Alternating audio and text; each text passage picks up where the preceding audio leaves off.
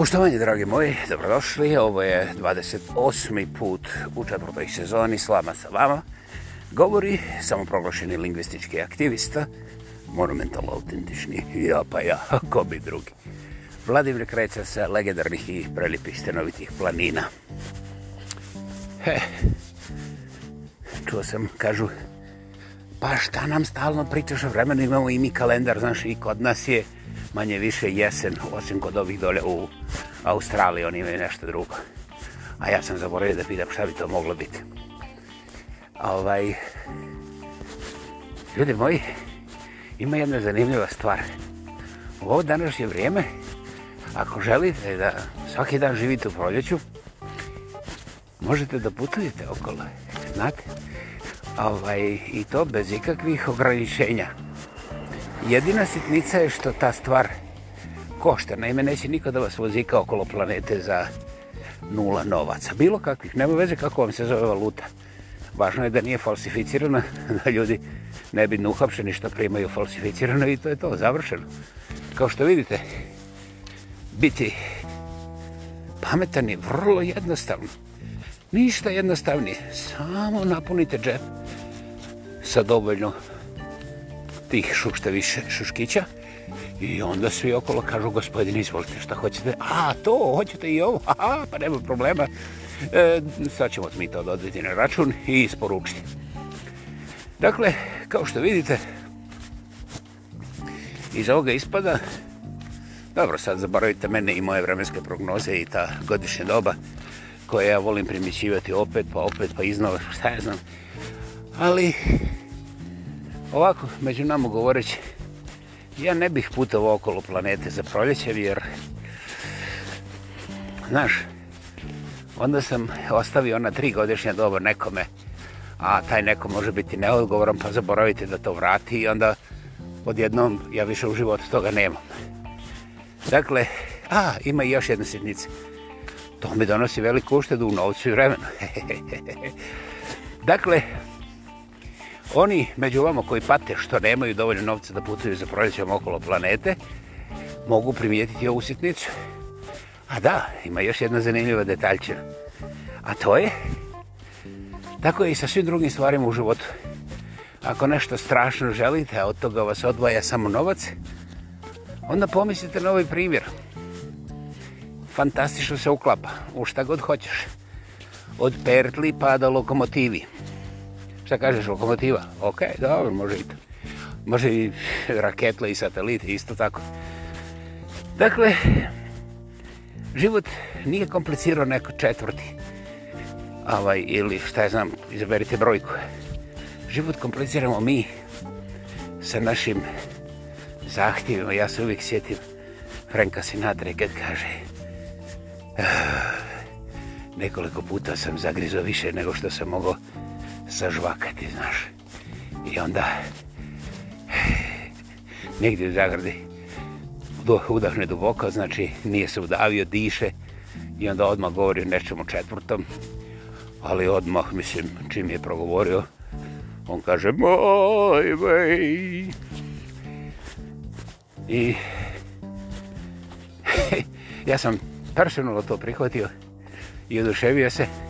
Ako vi to učinite, neće vam narasti rogovi. Garantiram. Dakle, u razmatranju života sve počinje i završava u razmatranju sebe. Aha. I ovo nije filozofija, mada se može nazvati. Možete to nazvati i poljoprivredom. Naprimjer, ako tu stvar radite do korete polja suncokreta. He, he, he, he, he, he. Ah, iz ovoga vrlo dobro i vrlo jasno imate zalet u takozvanu realnost koja je istinski magična.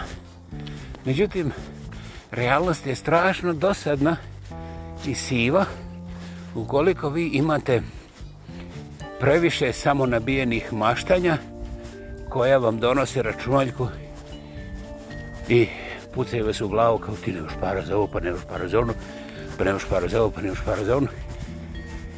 Ah, da vam pomognem. Nikad nećete imati dovoljno para. I to je fantastična, fantastična činjica. Jer je on i najstariji kineski mudrac, kasni filozof, pa onda antički grkenoz, su rekli, kad nemaš ništa, imaš sve. Sve ja sam mislio čovjek se sprođa.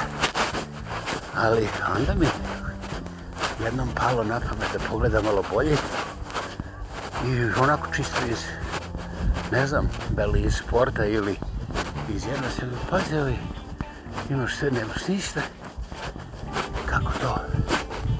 I onda primitiv. Ako je jedna po meni bezvezna rečerica preživjela recimo četiri tisuća, a možda i četiri hiljade godina. Jebate, miš, da li je četiri hiljade ljudi, dobro, četiri tisuće ljudi, okej, okay.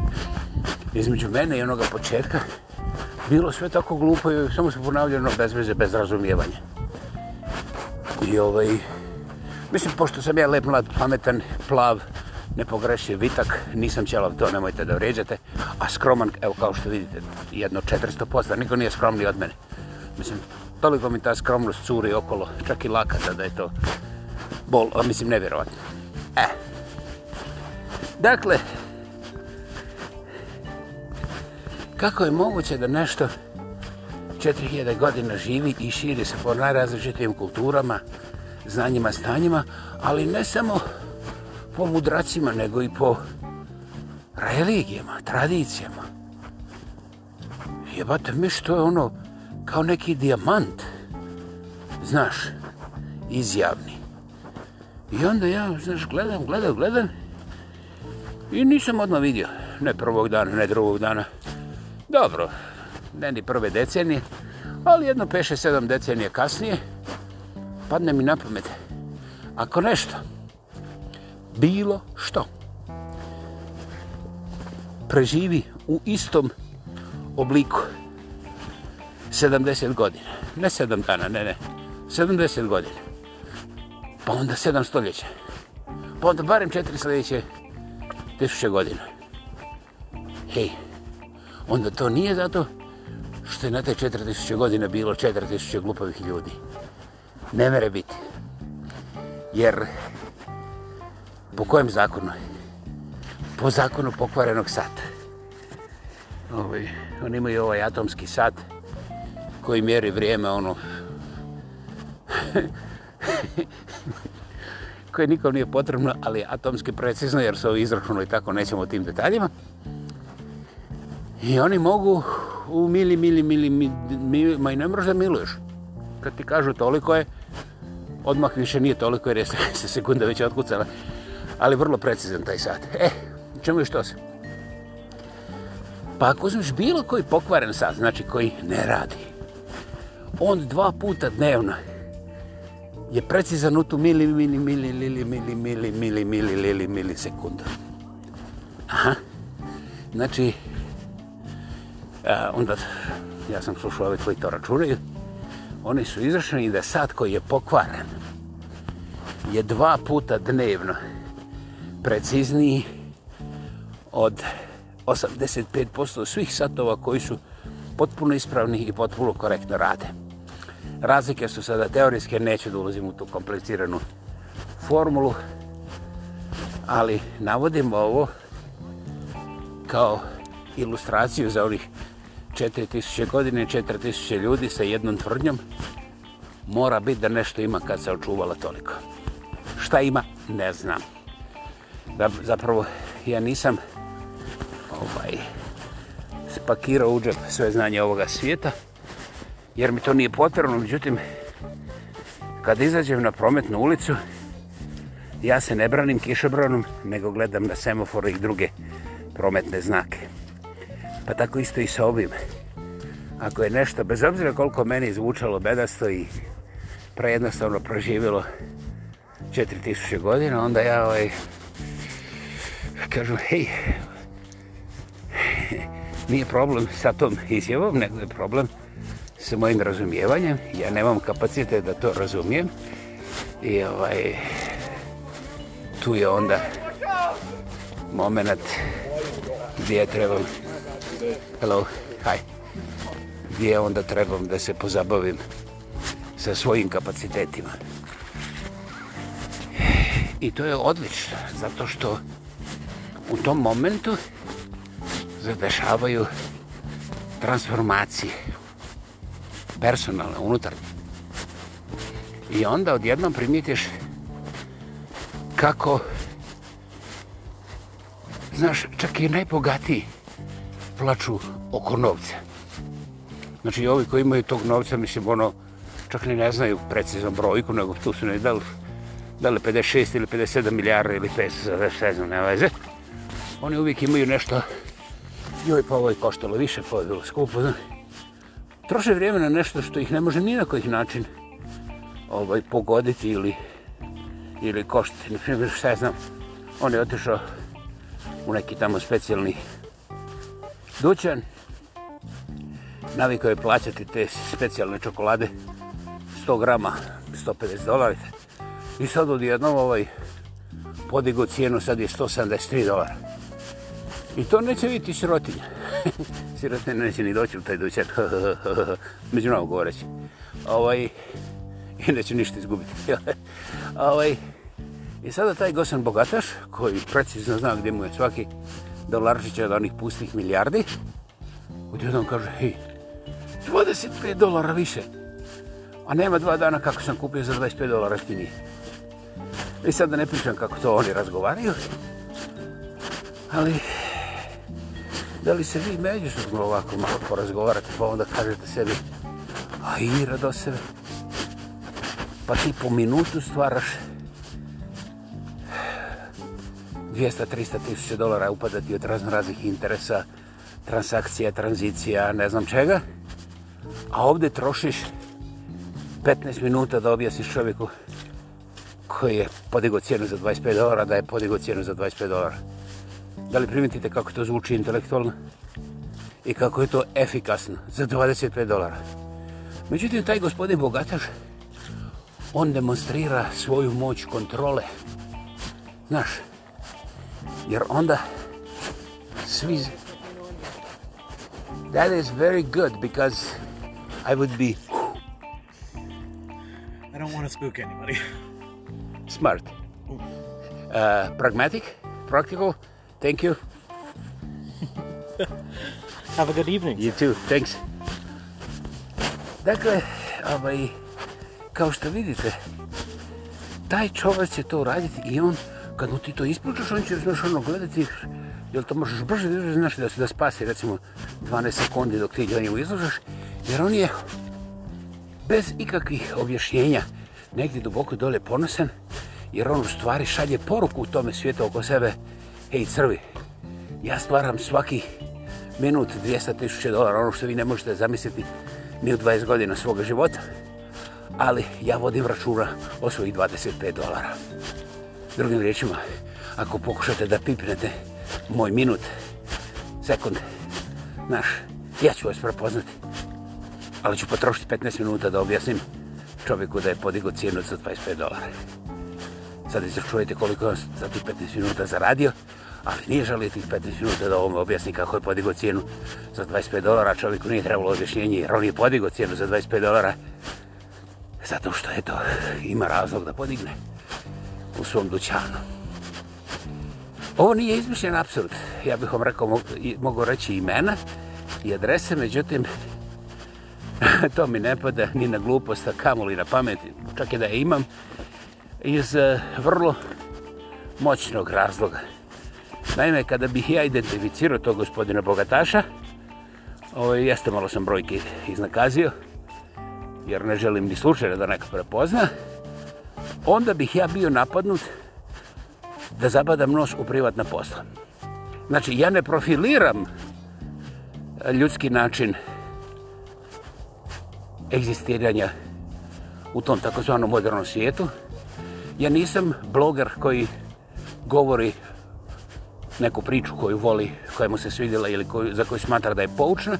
No, nego ja zabadam nos u privatni život njegovog veličanstva super bogatog Đorđe Đokića. I onda na sudu moje šanse da preživim su 100%, nažalost. Međutim, moje šanse da preživim i da ostanem čitavih džepova ne postaje i zato što ga sam drug neće se ni pojaviti, on će poslati svoje odvjetnikove koji će meni reći, hej, ako ćeš pred sudca, skinut ćemo te gologa. Drugim riječima, raščerupat ćemo svaki zadnji cent koji imaš. Ako hoćeš s nama da se dogovoriš, evo, šljuk para, dva sepeta i ideš kući, uštedio si barem četiri sepeta. I ovaj, pjeva i kako je demokracija demokratska i slobodna. Huh, doslovce je tako. Dakle, sad razumete zašto sam ja ovo izdaleka ispričao, ali primjer stoji i vi vrlo dobro znate, bez obzira da li poznate nekog bogataša koji se ponaša upravo ovako ili se ne ponaša, glavna poruka je vi imate dovoljno novca. Kako sad vrištite kad upravo si govorio da ovo je 175 dolara plaća čokoladu je super bogati, a žali se za 25 dolara povišenje cijene.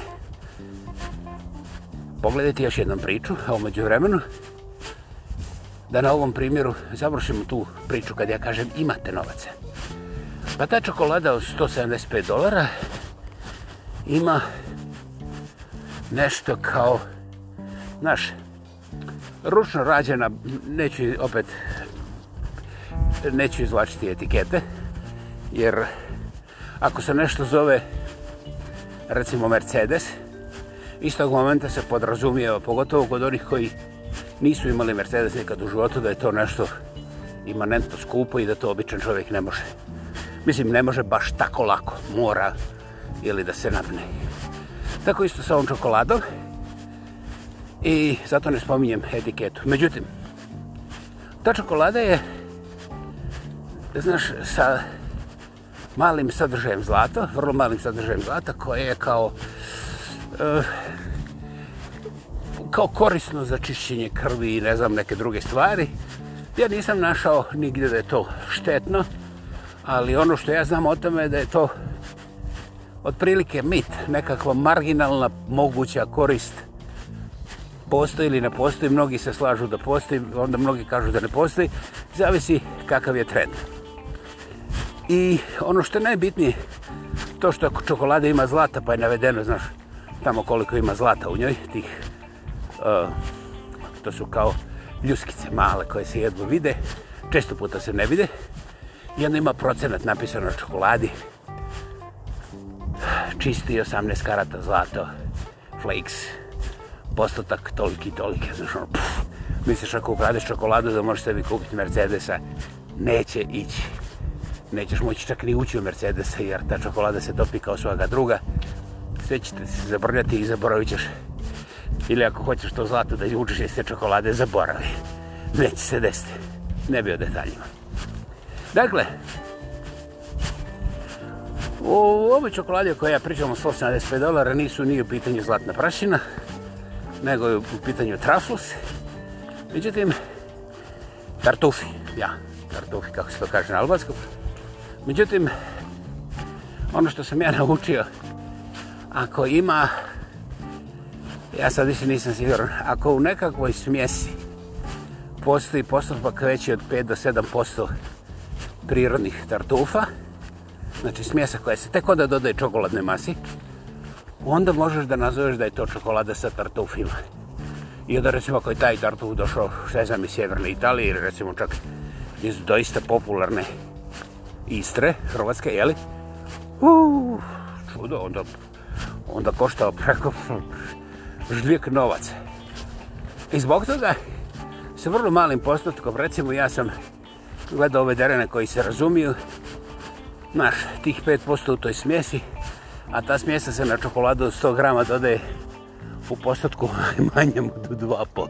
Vjerovali ne, sve ostalo su ovi kemijski inducirani enhanseri, Dakle, cijena te mrvice stvarnog tartufa, koja je u stvari vjerovatna kapljica ili dvije esencije od prirodnog tartufa, je procijenjena negde na 2 do maksimum 5 dolara. Ostalo je um, solidna prvorazredna čokolada, koja se po cijeni od 100 grama može naći svakdje za oko 10 do 15 dolara recimo da je u proizvodnji ta čokolada po svim tim mjerilima i standardima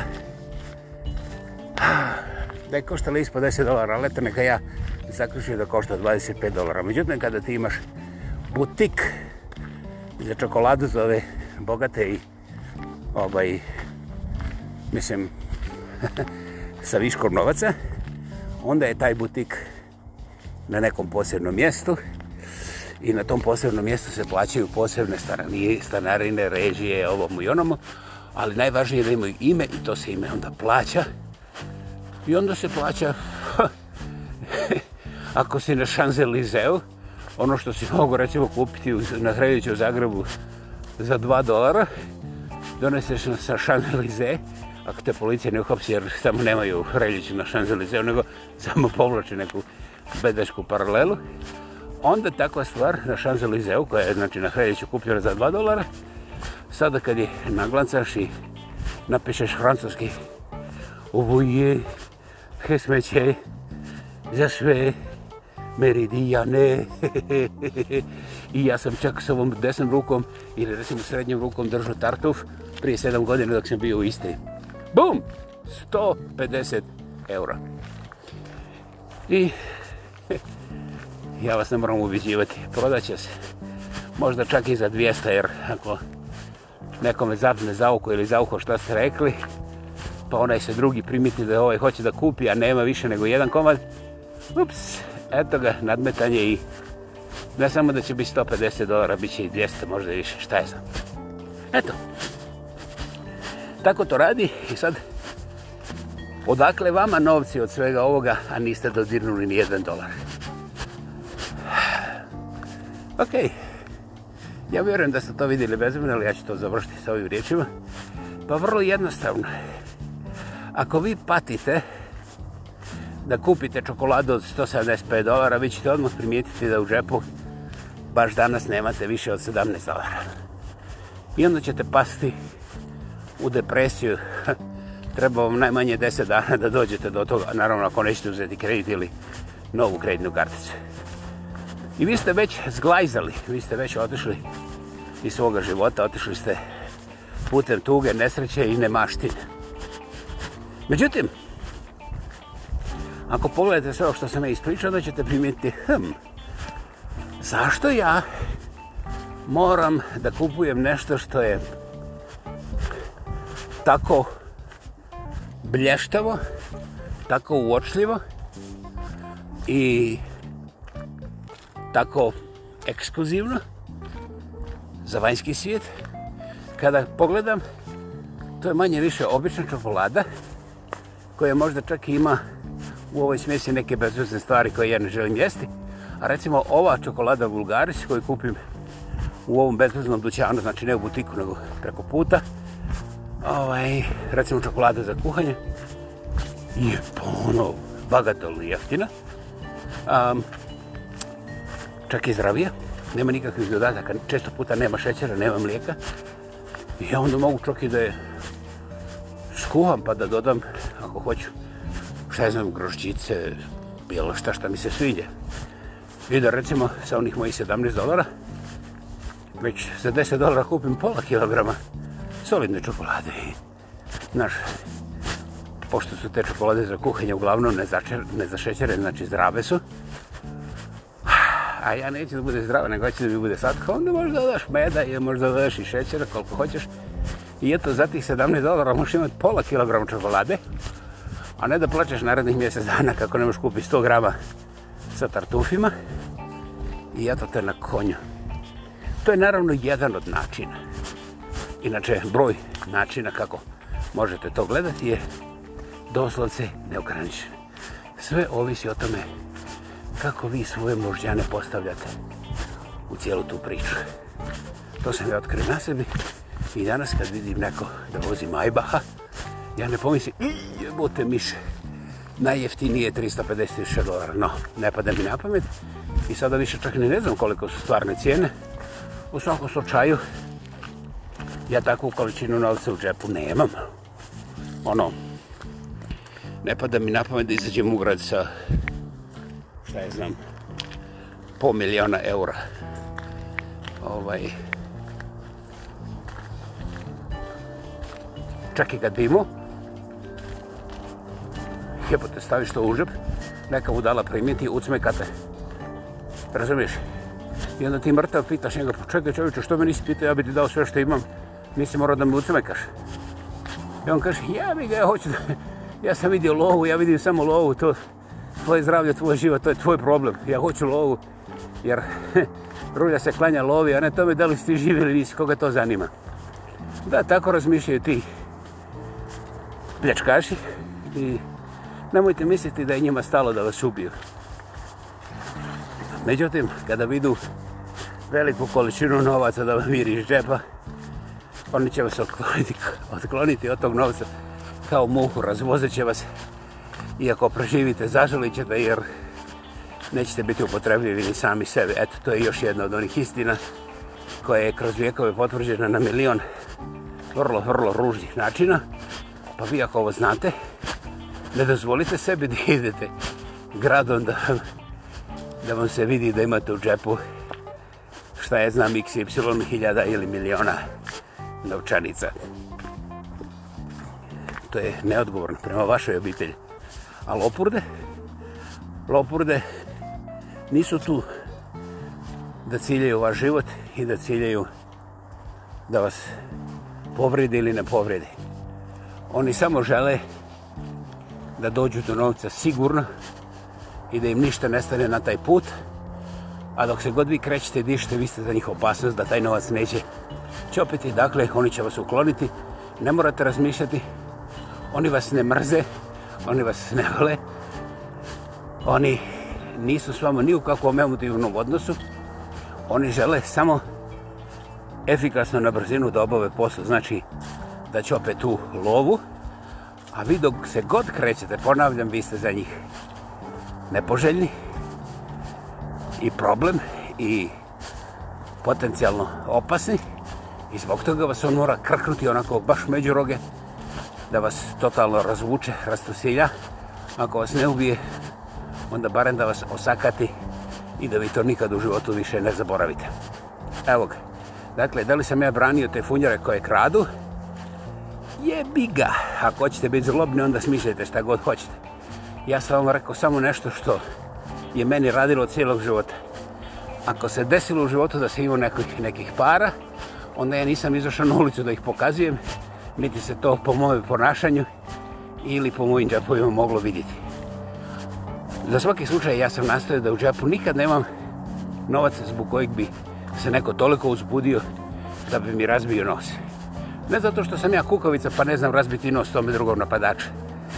Ljudi moji, uvijek vas može stresnuti sa leđa. Dakle, ja ne znam ko u toj masi želi da me opljačka. I nevjerovatnije je neće me opljačkati prvi put kad ja se pokažem sa tim novcem. Ali ja ne znam kada će i ko će. I zbog toga ja vam onda kažem, nemojte da se vidi da imate gotovine u džepu, pa čak ni u kući.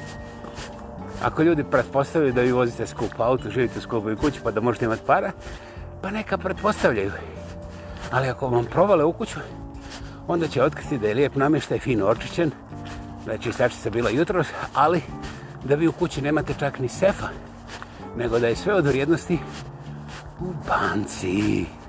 I onda su tako zaštićeni vaši najmiliji, a Boga mi i vi. Jer šta god lopor da hoće, vi njima date ključevi i kažete, gospode, evo, ovo su naši džepovi, ovo je naša kuća, izvolite, mi stvari držimo. E, eh, oni kažu, ali mi ćemo tebe prisiliti da ti telefoniraš banci, da se novac prebaci odavde odavde. Ok, i to je ok. Zašto?